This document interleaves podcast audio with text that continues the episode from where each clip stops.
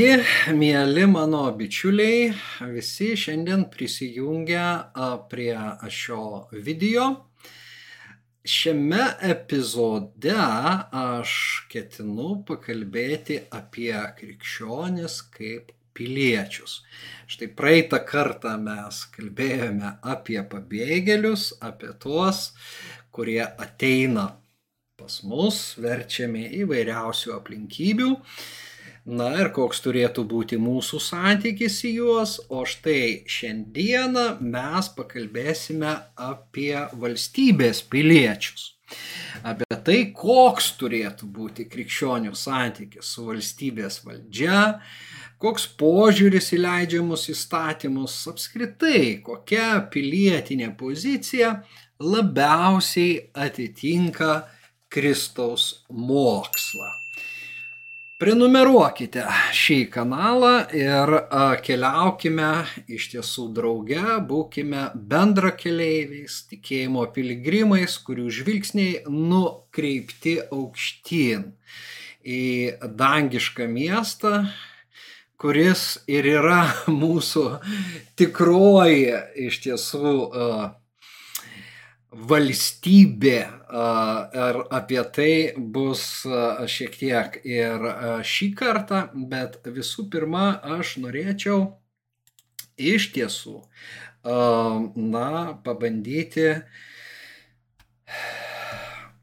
pakviesti jūs, iš tiesų noriu labai pakviesti, prisijungti prie studijų, kuriuose mes gilinamės į apaštalo Pauliaus laiškus. Ir štai nuo spalio 14 dienos kiekvieną savaitę mes studijuosime didžiuosius apaštalo laiškus, laišką romiečiams, laiškus korintiečiams. Na ir ateisime galiausiai ir iki laiško hebrajams, bet tikrai atrasti Paulių verta prisijunkite prie mūsų ir, na, nenusivilsite. Daugiau informacijos atrasite bičiuliams.lt svetainėje. Ir laikas bėga, iš tiesų prisijunkite, ten rasite ir seną, visi užsiregistravę grupės nariai turi prieimą ir prie praeitų metų medžiagos. Taip kad iš tiesų galite maitintis ir na, plėsti tą Dievo žodžio pažinimą, kurį iš jo malonės mes na, turime. Na, o šiandien, kaip ir jau pristačiau, mūsų tema yra pilietybė, dangaus piliečiai mes esame ir štai aš ir noriu pradėti nuo ištraukos, kuri mūsų tikinčiuosius apibūdina kaip dangaus piliečius. Tai yra kertinis akmuo, nuo kurio aš atsispiriu šio epizodo metu galima būtų pradėti ir kitoje vietoje, bet būtent aš norėčiau pradėti čia. Laiške filipiečiams apaštalas Paulius sako, nes daugelis, kaip daug kartų jums esu sakęs ir dabar verkdamas sakau, gyvena kaip Kristaus kryžiaus priešai. Jų pabaiga pražutis, jų dievas pilvas, o jų šlovė gėdoje. Jie masto apie tai, kas žemiška, o mes turime dangaus pilietybę. Iš ten ir laukiame gelbėtojo viešpaties Jėzaus Kristaus, kuris mūsų silpną kūną padarys panašų į savo šlovingą kūną, veikdamas tą galę, kurią jis viską savo palenkė. Na, turiu prisipažinti, kad mane paskatino šią temą pasirinkti perskaityta puikaus čekų teologo Tomašo Haliko mintis, kuris skamba štai taip. Vienas iš pagrindinių pastarojo meto pokyčių - tai bandymas paversti religiją politinę ideologiją. Tai aktualu kalbant ne vien apie islamą, bet ir apie krikščionybę. Ir pastaruoju metu be abejo ir jūs, ir aš socialiniuose tinkluose regime žmonės. Ir ypač tame tarpe man rūpi krikščionis, kurie dalinasi na, raginimais nepaklusti esamai valdžiai Lietuvoje, na, prisijungia vienaip ar kitaip prie raginimo, na, nuversti dabartinę valdžią, pašalinti, reiškia, protestų ar kitų, na, kažkokių tai akcijų būdu Visi prisimename riaušės, na, tariamai krikščionys juose nedalyvavo, tačiau manau, kad labai svarbu mums, vat, esant tokiai, na, politiniai situacijai, kuri yra labai nelengva, gyvenant šituo pandemijos sunkiu metu, mums, na, sverti tai, kas vyksta ir žiūrėti, kas daro įtaką a, mums, mūsų pasirinkimuose ir na, mūsų apskritai pasaulyje žiūroje. Tai štai vat, mes krikščionys kaip piliečiai. Turime savo teisės šioje valstybėje, turime savo laisvės, gyvename demokratinėje valstybėje. Ir sykiu esame dangaus piliečiai. Vat kaip suderinti šitas dvi tapatybės, dvi pilietybės iš tiesų yra, na, nelengvas iššūkis. Iš karto pasakysiu, kad jei kas galvoja, kad dangiška pilietybė, kurią mes įgyjame tikėdami Jėzumi Kristumi ir pasak apaštalo Paulios, mes turime dangaus pilietybę, politeumą. Ir šitas žodis iš tiesų reiškia valdžia, valdžios, priemonės, administravimas, bet žodis taip pat reiškia ir piliečių teisės arba tiesiog pilietybę. Tai vad, na, šitie Haliko žodžiai, kad vienas iš šio metų ryškių pokyčių yra tas, kad bažnyčia, ne tik tai islamas, iš tiesų, jisai sako, kad, na, tai aktualu kalbant ne tik apie islamą, kad tikėjimas yra bandomas, na, padaryti politinę ideologiją, bet ir kalbant apie krikščionybę. Ir man aš absoliučiai sutinku su teologu ir tiesą sakant, na, jį perskaitęs, supratau, kad jis įvardino tiksliai tai, kas, na, labai slegia ir mano paties širdį, regint tai, kad krikščionys daugiau politikuoja, negu gilinasi į Dievo žodį. Kad uh, krikščioniška veikla tampa politinių agendų, politinės dienotvarkės uh, įkaitę. Ir, na, vat, uh, norėdami būti reiškia, dorais piliečiais, kurie reaguoja į valstybėje na, vykstančius pokyčius, na, galim sakyti, LGBT bendruomenės pripažinimą, partnerystės įstatymą, prieš tai Stambulo konvencijos, na, prieimimą, ar ne, mes kaip krikščionis jaučiam savo pilietinę atsakomybę, na, ne tik tarti žodį, bet ir kovoti prieš tai, kas priešinga krikščioniškai etikai. Ir manau, ne tik perlenkiam lasdą, bet tampame ir, na, kaip jau pasakiau, įkaitais. Iš tiesų netgi, na, darbininkais mm, ideologijos, kuri yra primetama iš šono. Jis nekyla iš Kristaus mokslo, iš Evangelijos, bet kyla iš politinių a, ambicijų ir ideologijų. Štai ideologijų toje sankirtoje, kovoje mes renkamės ir tada stojame į vienos politinės partijos arba politinės vizijos pusę. Tuo tarpu, ar Evangelija būtent taip ragina mus elgtis, pamėginkime ir pasižiūrėti. Na, aš norėčiau priminti jums iš kalno pamokslo ištrauką gerai žino, žinoma, kad esate girdėję, jog pasakyta, akis už akį ir dantis už dantį, o aš jums sakau, nesipriešinkite piktam žmogui Kas tau suduoda per dešinį skruostą, atsuk jam ir kairį. Norinčiam su tavim bilinėtis ir tau tuniką atimti, palik tokiam ir viršutinį drabužį.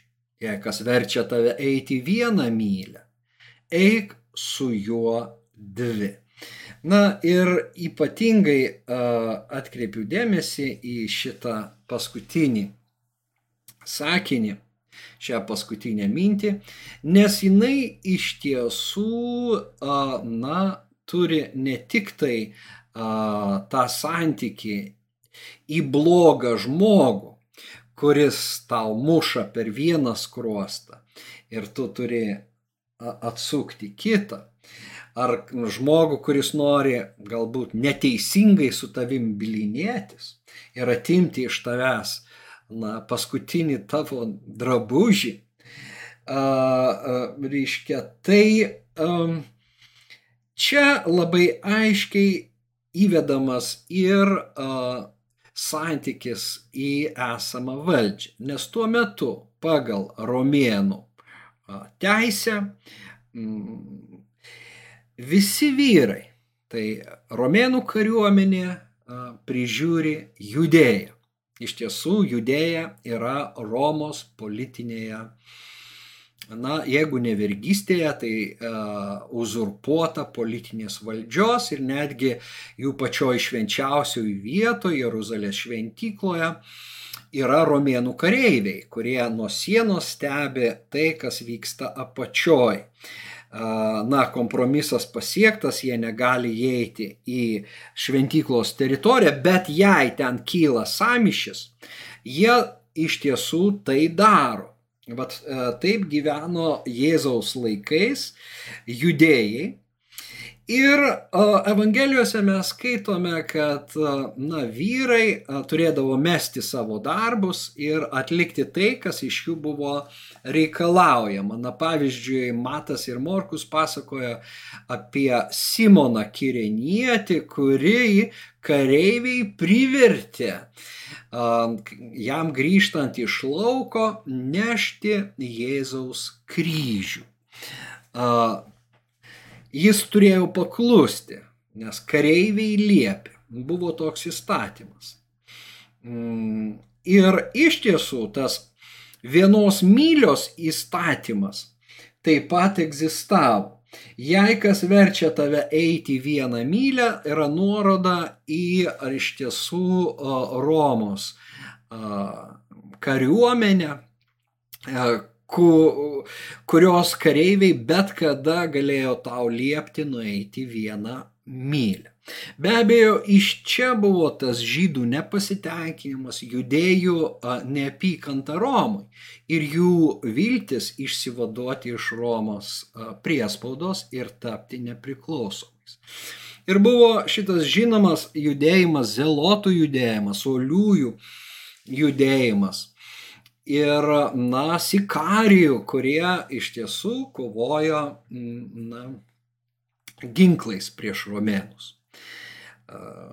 Reiškia, mes turėdavome tuos sukilimus, maištus ir na, karinį pasipriešinimą kariniai galiai ir kariniai priespaudai. Ir be abejo, kad dabar Jėzaus apskritai mokymą aš, aš laikau tikrai pacifistiniu. Jėzaus kalno pamokslas yra aiškiai pacifistinio pobūdžio, kuris sako, kad e, jūs mylėkite savo priešus ir nesipriešinkite tam blogiui, kuris ateina iš jų stovyklos. O šiuo atveju įstatymas net visiškai, na, jūs gniuždantis kaip laisvus uh, žmonės ir verčiantis nešti romėnų amuniciją ar kažkokius tai darbus atlikti ir nu, nueiti tą mylę tikrai galėjo susilaukti, sakykime, na, pasmerkimo. Tačiau Jėzus priešingai. Sako, jei tau reikia nueiti mylę, nueik dvi mylės. Kitais žodžiais tariant, netgi blogą įstatymą įvykdykite. Jei esate mano mokiniai, jei klausote mano žodžio, Jėzus sako saviesiems, Nebūkite tokiais, kaip yra judėjų zelotai. Galiausiai netgi jo išdavystės scenoje jisai Petrui sako, kišk kalaviją atgal į makštį, nes kas griebėsi kalavijo, žus nuo kalavijo. Iš tiesų judėjų, na, šitos viltis taip ir baigėsi, žlugo kai 70 metais jų sukilimas prieš Romą buvo, na, krauju, kraujo upėmis numalšintas. Tai, tai va, bet Jėzus savuosius mokė kitaip. Taigi, va šita vieta nueiti antrą mylę net tuo met, kai valdžia, na, reiškia, tai daro žemindama mus arba pribodama mūsų laisvę, yra labai krikščioniška. Ir priešingai. Ar ne? Na, dabar jau mes gyvenam kitoj santvarkoje. Mes e, na, turim labai daug teisių, kurių žmonės neturėdavo kitose santvarkose. Tačiau krikščionio širdyje gyvenanti Dievo meilė, šventosios dvasios teikiamas romumas, pakantumas, savitvarda, apskritai tas siekis gero, neblogo. Iš tiesų ir formuoja, na, turėtų bent formuoti santyki į valdžias. Na, štai aš pateikiu dar vieną uh, iš tiesų um, ištrauką, kuri man yra tokia irgi intriguojanti, kad Paulius savo misijose Korinto mieste sutiko vieną iš Ponto kilusį žydų vardu Akvilą su žmona Priscilė, neseniai atsikėlusius iš Italijos. Mat Klaudijus buvo išleidęs įsakymą visiems žydams išsikraustyti iš Romos. Jis nuėjo pas juos. Ir tai, kaip Lukas pasakoja, na, apie, a, reiškia, Prisilės ir Akvilo, na, tą susitikimą su Pauliumi, yra tiesiog paminima, kad jie kaip žydai tiesiog pakluso, reiškia, Klaudijos, Klaudijaus įsakymui palikti Romą. Na, kokia neteisybė, visi žydai yra išvaromi iš Romos, tame tarpe ir žydai krikščionys. Na, bet jie tiesiog pasišalina. Ir būtent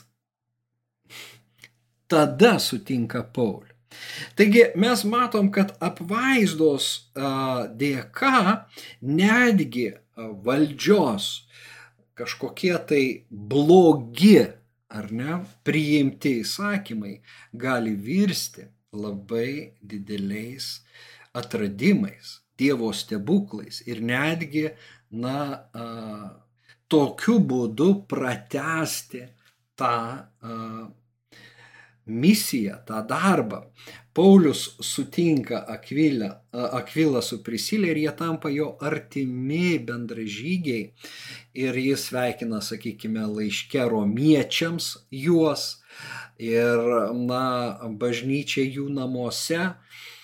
Ir va čia va mes matome, kad krikščionis iš tiesų gyvena to meto Romos imperijoje, pakeldami daugybę neteisybių. Ir jeigu jau mes paliekam judėjus, ar ne, kalno pamokslus, Jeruzalę, vad tai, ką aš na, jau paminėjau, ir einame į tą Romą plačiają prasme ir bažnyčią, kuri gyvena toliau iš pirmo amžiaus į antrą amžių, mes ateiname prie laiško Diognetui kurį aš norėčiau jums šiandien paskaityti, be abejo, tik ištrauką iš šito laiško. Mm, tai labai vėlgi žinomas tekstas, bet jis labai, na, padeda susigaudyti, kaip ankstyvoji bažnyčia tęsia Kristaus mokslą ir kaip juo vadovaujasi realiai gyvendama, vad toje priešiškoje, naujai užgimusiai religijai, tai yra krikščionybei akivaizdoje, kaip krikščionys gyvena. Ir štai šitas aiškiai apologetinio pobūdžio tekstas, autorius nėra žinomas, bet datuojamas jis antru amžiumi, sako štai ką. Mat krikščionis nuo kitų žmonių nesiskiria nei kraštu, nei kalba, nei papročiais. Jie negyvena kokiuose savuose miestuose, nevartoja kitoniškos tarmės, neturi ypatingo gyvenimo būdo. Na, šiandien regis mes jau kitaip įsivaizduojam krikščionybę. Ir mes iš tiesų tarsi norim statyti tos savus miestus. Na, istorijos bėgėje iš tiesų taip buvo ne kartą. Mes turim savo klišes ir savo žargoną, kurio nesupranta nekrikščionis. Ir ypatingai liaupsnam, na, vat, tą moralę, gyrėmės savo vertybėmis. Nu, šitą įžangą sa, sako, mes krikščionis nesiskiriame nuo kitų. Ir po to yra vardinami tie skirtumai. Bet atkreipkime nu, vat, dėmesį ir tas nuostatas, kaip krikščionis santykėje su kitais ir ypatingai santykėje su valstybe gyvena. Įsikūrę ir graikų ir barbarų miestuose, kam kokia dalė teko, laikydamiesi vietinių papročių, apdaro, mytybos ir visos gyvensenos, krikščionys tvarko savo gyvenimą nuostabiai ir kaip visi sutarė, neįtikėtinai. Jie gyvena savo tėviškėse, bet kaip laikini. Dalyvauja visuose reikaluose kaip piliečiai, bet viskam pasirengia kaip svetim šaliai. Kiekvienas svetimas kraštams jiems yra tėvynė, o kiekviena tėvynė jiems svetima. Iš iš čia aš norėčiau dar kartą sustoti, vat, na, pabrėždamas. Žiūrėkime, kad jų gyvensena, mytyba, netgi ap apdaras, apranga nesiskiria nuo tos vietos, kurioje jie gyvena žmonių. Ir jie laikosi vietinių papročių. Na, nebent kaip mes pamatysime na, tie vietiniai papročiai reikalautų atsižadėti Kristaus, atmesti tikėjimą Dievo sūnumi. Bet šiaip jie dalyvauja kaip piliečiai visuose reikaluose. Tačiau nėra prisirišę prie šitos žemės. Štai kodėl mes pradėjom nuo dangaus pilietybės. Ir Paulius mums primena, kad mes turim tą dangišką pilietybę. Ir jos siekdami mes dalyvaujam žemiškose reikaluose. Tačiau jeigu juose kažkas ne taip, nėra priežasties liūdėsiui, nėra priežasties maištui, nėra priežasties, na, sukilimui ir tai kovai dėl žemiškų dalykų. Nes mūsų kovos ginklai yra dvasiniai ir mes kovojam dėl dangiškų dalykų. Gerai, dar paskaitykime. Iš tiesų, na, jie kaip ir visi veda, susilaukia vaikų, bet pagimdytojų, pagimdytųjų neišmeta. Bendras jų stalas, bet neguolis. Štai etika. Jie gyvena kūne, bet ne pagal kūną. Dienas leidžia žemėje, bet jų tėvynė danguje. Jie paklūsta išleistiems įstatymams, bet savo gyvenimu juos viršyje. Na, žiūrėkime, tai yra kalno pamokslo aidai, atkartojimas. Jeigu tave verčia nueiti vieną mylę, nueik dvi. Jei, na, antrame amžiuje krikščionys paklūsta išleistiems įstatymams, mes neturim galvoti, kad tie išleisti įstatymai buvo na, geri. Iš tiesų jau ne vienas apaštalas buvo paguldęs savo galvą, mirė kankinio mirtimis ir antrame amžiuje. Na, bažnyčios apaštališki tėvai, bažnyčios ankstyvieji ganytojai dažniausiai mirdavo, na, bent jau patirdavo daug kančios ir ne vienas mirė kankinio mirtimi. Bet jie paklūsta ir viršyje tuos įstatymus. Turimo omeny be abejo, na, jei įmanoma juos viršyti. Visus myli ir visų persekiojami. Jie nepažįstami ir teisiami, jie žudomi ir atgaivinami. Jie beturčiai, bet praturtina daugelį. Visko stokoja, bet visko perteikia. Jie niekinami, bet paniekoje randa šlovę. Šmeižiami, bet pasirodo teisūs. Keikiami laimina, įžeidinėjami atsako pagarbą. Būdami geradariai, jie baudžiami it nedoreliai, nubausti, džiaugiasi tarsi atgaivinti. Žodžiu, kas yra kūnui siela, tas pasauliui krikščionis. Be galo graži šitą ištrauką ir čia galim būtų plėsti kiekvienoj vietoj, bet aš e, dar akcentuoju tai, kad paniekoje jie randa šlovę ir nubausti džiaugiasi tarsi atgaivinti.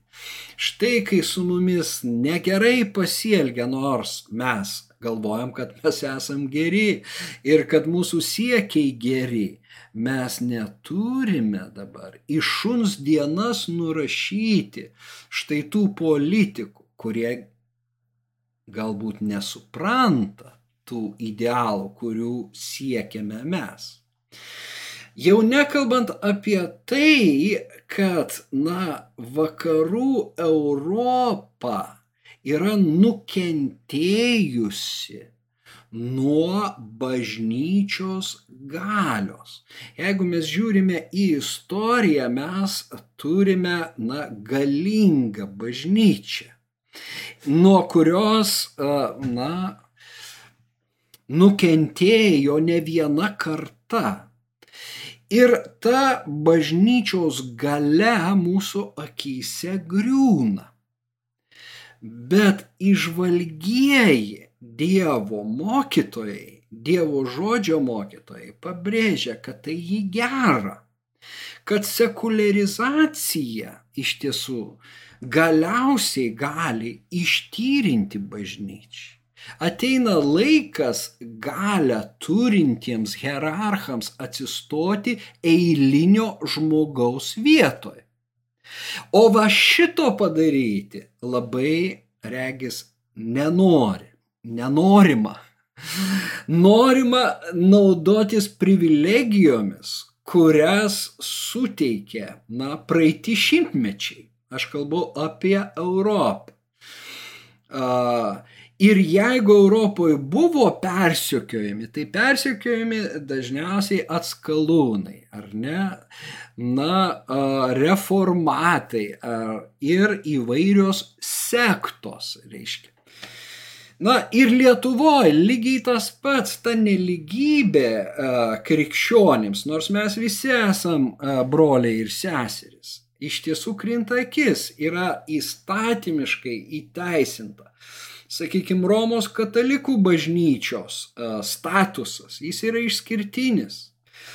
Ir ne tik tai krikščionių atžvilgių, visų religijų atžvilgių. E, na, tada yra tos tradicinės e, Lietuvoje bažnyčios, religijos. Po to yra valstybės pripažintos, o dar yra nepripažintos.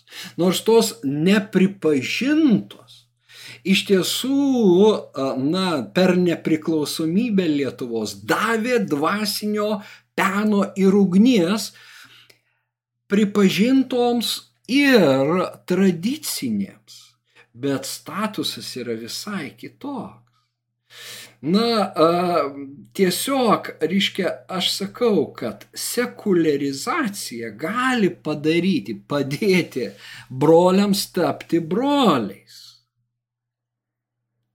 suartinti mus. Taigi, koksgi mūsų santykis su valdžia, su leidžiamais jų įstatymais arba norimu, na, priimti, sakykime, partnerystės įstatymą. Taip mes turime teisę pasakyti, kad mūsų etika, mūsų a, moralė tai vertina neigiamai, negatyviai, kad homoseksualizmas ar na, homoseksualumo praktikavimas pagal Dievo žodį yra nuodėmė. Tačiau valstybė gali nepaklausyti šio balso.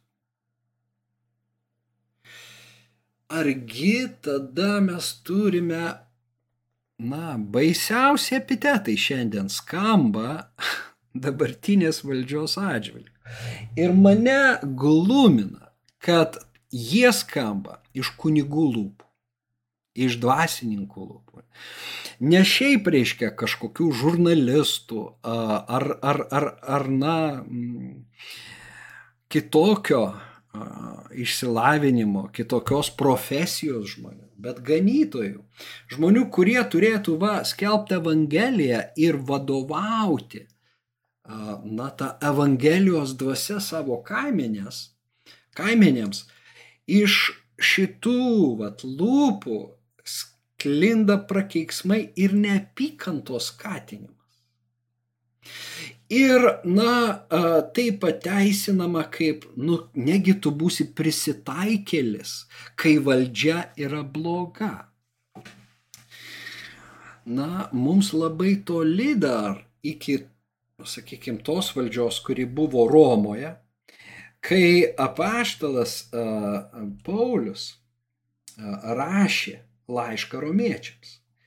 Kiekviena siela te paklūsta aukštesniai valdžiai, nes nėra valdžios, kuri nebūtų iš Dievo ir esamos valdžios yra Dievo skirtos.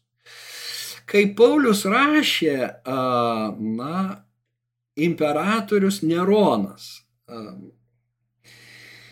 visiškai iškrypęs moralės prasme, nesažiningas, narcizas, šlovės ieškantis politikas kuris iš tiesų apkaltino krikščionis Romos padegimu, Romos miesto padegimu, kuris inicijavo na, tuos didžiuosius krikščionių persekiojimus ir kur galiausiai nuo jo rankos na, miršta paštalai Paulius ir Petras. Štai kokios tos valdžios tuo metu buvo, kai Paulius adresuoja šį laišką Romos bendruomenį. Bet vis dėlto jisai sako, kad kas priešinasi valdžiai, tas prieštarauja Dievo patvarkymui.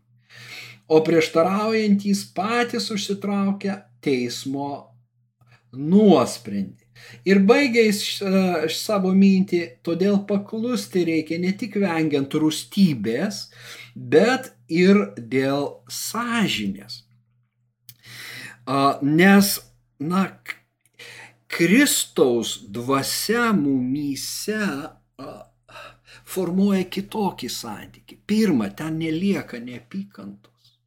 Mes galim tik neapkesti savęs, nes mes daug pavedėm Dievą, nuskriaudėm artimą, padarėm blogą artimam.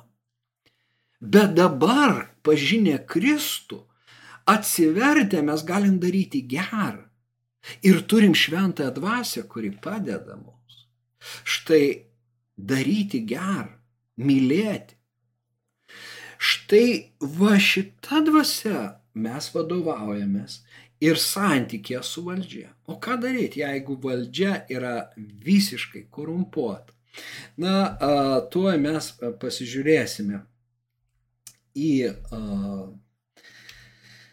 keletą vietų. Na, štai jos. Pirma vieta. Pasišaukia paštalus, čia dar judėjų valdininkai, judėjų sinedrionas įsakė jiems iš vis neskelbti ir nemokyti Jėzaus vardu, tačiau Petras ir Jonas jiems atsakė, spręskite patys, ar teisinga Dievo akivaizdoje jūsų klausyti labiau negu Dievo. Taigi, kai valdžia sako, jūs nekalbėsite apie Jėzų, arba kai valdžia reikalauja atsižadėti Kristaus, krikščionis sako, aš negaliu to tai mano sąžinės reikalas. Ir ko ko šito aš negaliu. Antrą, aš mylę nueisiu. Jeigu reikės antrą mylę nueisiu. Bet Kristaus neatsižadėsiu. Daug kas tada sako, betgi Jėzus nebuvo toks taikus, kaip tu gėdriau čia mėgini jį parodyti. Štai jisaigi uh, išvartė stalus. Na, pasižiūrime, iš tiesų pasižiūrime, įėjęs į Dievo šventyklą Jėzus išvarė visus parduodančius ir perkančius, Šventykloje išvartė pinigų keitėjų stalus bei karvelių pardavėjų suolus ir tarė jiems, parašyta, mano namai vadinsis maldos namai, o jūs pavertėte juos plėšikų lindynę. Iš Mato Evangelijos kiti evangelistai taip pat pasakoja šitą atvejį, bet atkreipkime dėmesį, veiksmas vyksta šventykloje. Ir jis šventyklą įvardina kaip savo tėvo namus. Čia žemėje.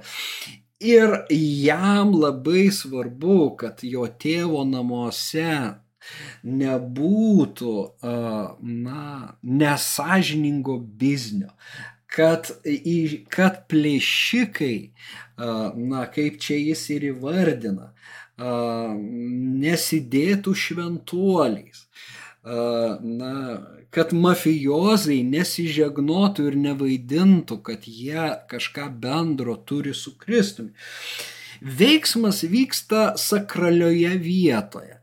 Ir tas Jėzaus, na, bizūnas, jisai kalba apie dvasinį apvalymą, kuris reikalingas bažnyčiai. Bet kai kalba eina apie valdžią, Jėzus nuolankiai priema savo kryžių ir savo mirtį, vėlgi, nes tokia yra tėvo valia. Ir, na, čia mums reikėtų daugiau laiko, aš negaliu plėstis, bet tik tai šitos vienos vietos nepakanka, kad pasakėt, mes krikščionys turime sukilti prieš valdžią. Jėzus sukyla iš tiesų tėvo namuose. Ir jeigu jau įimti šitą pavyzdį, tai čia mes kalbam apie bažnyčios reformas. Kad teismas prasideda nuo Dievo namų, nuo Dievo tautos. Ir apsivalimas turi įvykti bažnyčioje. Ir kai bažnyčia E, na, kaip Dievo ambasada gyvena valstybėje, jinai nesiuošia tos valstybės perkeisti, todėl kad tik sugrįžęs Kristus perkeis visas žemės karalystės, tai yra valstybės. Ir mes laukiame Kristaus sugrįžtančių. Ir čia mūsų pašaukimas niekada nėra revoliucija. Na, kas nors pasakys, bet ar ne krikščionys dalyvavo, pavyzdžiui, panaikinant vergystę? Taip. Vergystė, na, yra atskiras klausimas. Yra į, na, tokie skauduliai, kurie uh, visuomenėje, valstybėse, ar ne, šimtmečius ir tūkstantmečius uh, gyvavo ar buvo. Ir uh, atėjus laikui, na, krikščionis gali pasakyti, tai neteisinga. Tas pats pasakytina ne tik apie vergovės panaikinimą, prie ko prisidėjo krikščionis ir kai kurie iš jų na, jautė ypatingą pašaukimą kaip Wilberforsas, ar ne, na, tikriausiai teko jums girdėti, tas anglų parlamentaras, kuris norėjo būti pamokslininku, bet pa, pasitaręs su Johnu Newtonu, kita labai žymia asmenybė, na, jis nusprendė na, Johno Newtono patarimu veikti kaip politikas. Tokių iš tiesų pavyzdžių esama.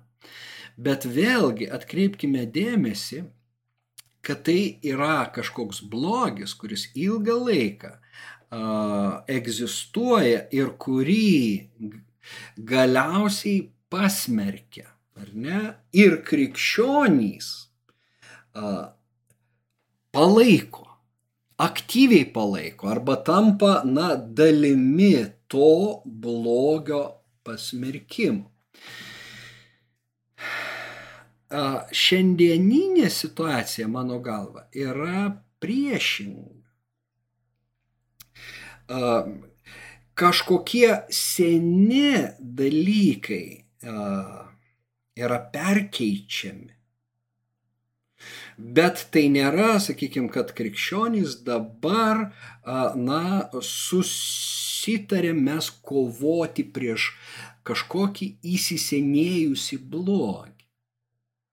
Regis, kad mes nematome, kad visuomenė į bažnyčią žiūri kaip į blogį.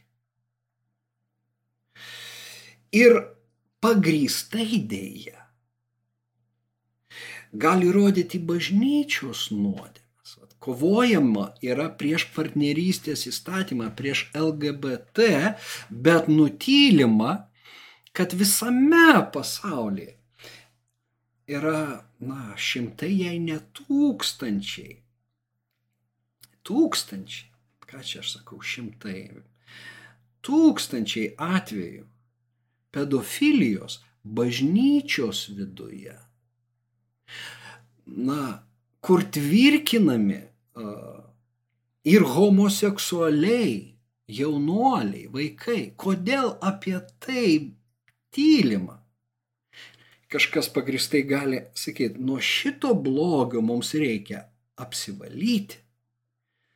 Ir čia bažnyčia turėtų labai romiai priimti iš tiesų ir sakyti, mes kalti Mes ne tik jūs apvylėm, mes Kristų apvylėm. Mums reikia keistis. Štai kokia reforma turėtų vykti. Ir iš tiesų tie, sakyčiau, autoritetingi balsai, na būtent pabrėžia, kad bažnyčios šitas pažeminimas išeis į gerą. Ir kad kai mes apsivalysim ir tapsim kitokie, galbūt ir mūsų balsą išgirs. Na, aš nežinau, kiek dar man a, m, plėstis. Aš a, turiu čia dar ir istorinės medžiagos, e, šiek tiek pasi a, dairės pasižiūrėjęs, na, bet nežinau, ar verta. Pliniaus laišką imperatoriui, gal kokį kitą kartą, na, aš paliesiu, bet galiu ir dabar tiesiog tik tai paminėti. Kad, na, tas nepaklusnumas valdžiai, vad kaip iš šito laiško tampa aišku, yra tuo met, kai mus suima ir tardo, ar mes esame krikščionys. Kai jie Aš tardžiau juos klausinėdamas, ar jie yra krikščionys. Kai jie prisipažindavo, aš klausdavau antrą ir trečią kartą, grasindamas mirties bausme. Tuos, kurie atkakliai priešinosi, priešinosi įsakydavau nubausti mirtimi. Kitusgi panašius bepročius, kadangi jie buvo Romos piliečiai, beje kaip ir Paulius, kuris tą Romos pilietybę nekartą savo misijose pasinaudojo, sakydamas, kad ar galite jūs nuplakti Romos pilietį. Na, ir galiausiai jis prašė Cezario teismo ir buvo išsiųstas į Romą, štai čia vėlgi istorinis dokumentas tai patvirtina, kad taip elgtasi su Romos piliečiais.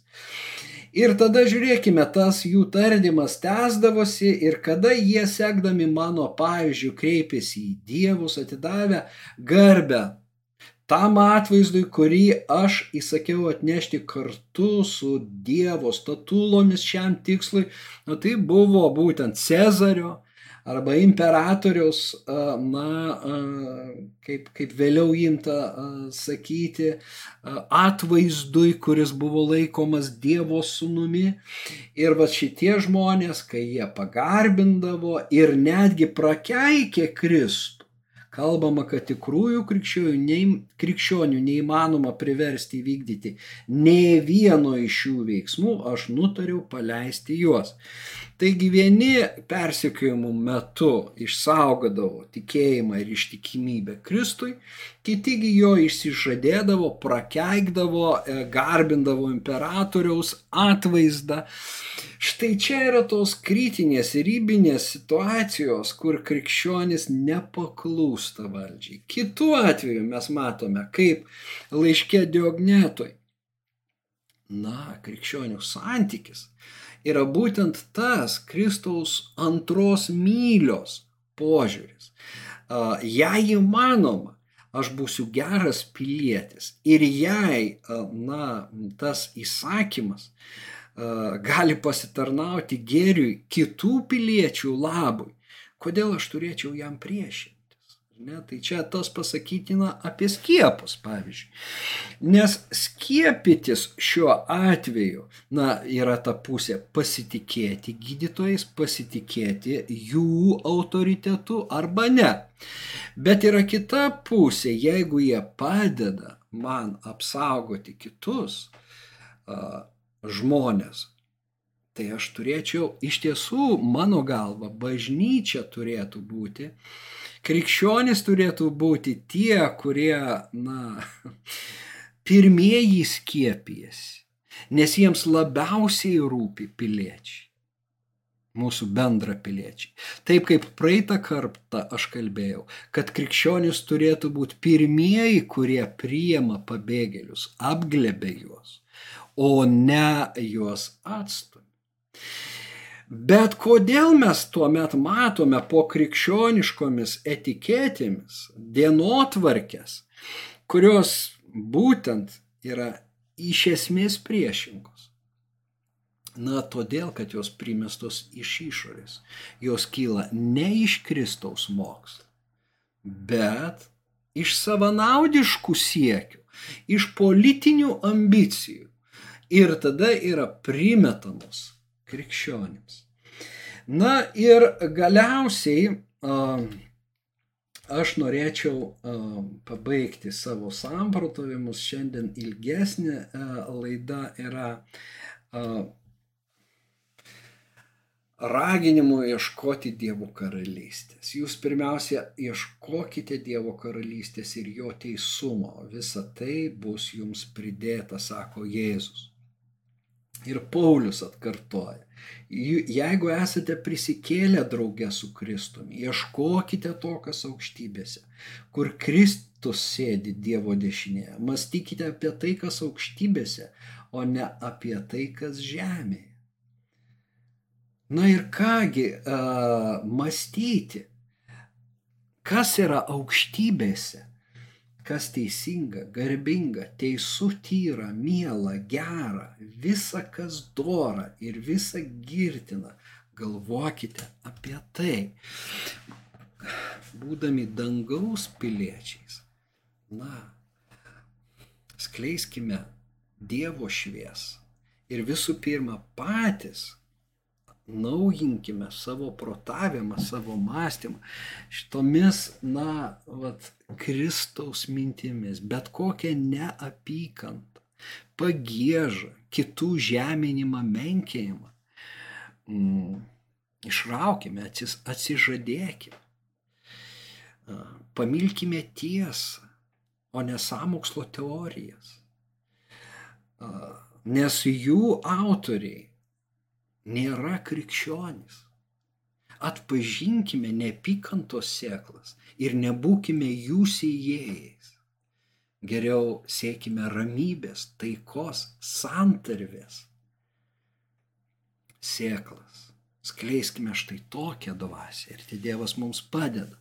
Faktas, kad mums daug kartų nepavyksta, nes mes irgi esame žmonės.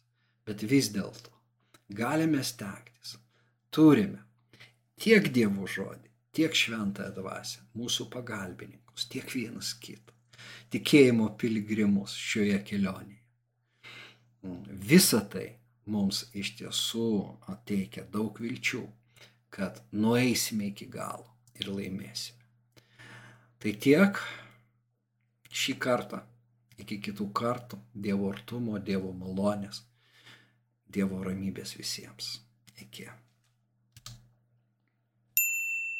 prenumeruokit mano kanalą.